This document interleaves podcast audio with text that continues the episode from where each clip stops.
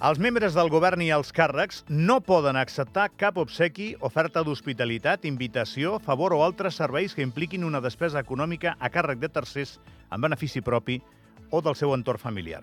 La setmana passada en parlava el diari d'Andorra. És el codi pels bons governants que ha aprovat el Consell de Ministres i que el que vol, bàsicament, és posar per escrit el que hauria de ser una obligació elemental pels polítics arreu del món.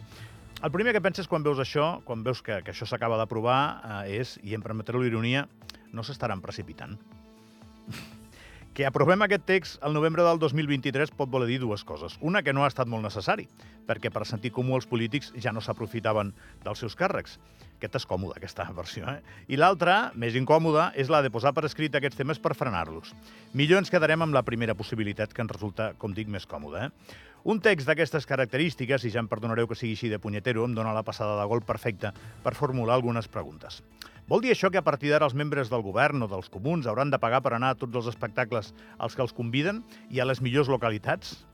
Si em miro el text aprovat, em surt clarament que sí, que els tocarà pagar. La següent pregunta és, si els toca pagar a tot arreu, que es preparin perquè van a un munt de llocs. La resposta és senzilla i està, no està en cap codi, està en el sentit comú. Clar que no han de pagar, són autoritats i ens representen 24 sobre 24 allà on van. Per això les convidem i prou que ho sabem els que hem organitzat alguna vegada algun Sara o volem que vinguin les autoritats i, i no les faràs pagar. Quan van a algun lloc, amb ells va la institució i és la institució qui s'asseu a la cadira. Hi ha una miqueta la ironia, eh? Ja em permetreu l'editorial, tot just per jugar una mica amb el concepte manual de bones pràctiques o manual del del bon govern.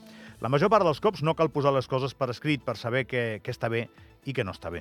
Els governants han de ser honestos i mirar pel bé comú i no pel seu o el dels seus interessos. No cal complicar-ho més. Ja m'explicaràs quina rellevància pot tenir que no acceptis cap detall que et puguin fer si després no ets honest. I en l'era del postureig nivell Pro Special Master of the Universe en el que estem, fer una, una editorial d'aquestes és un autèntic plaer.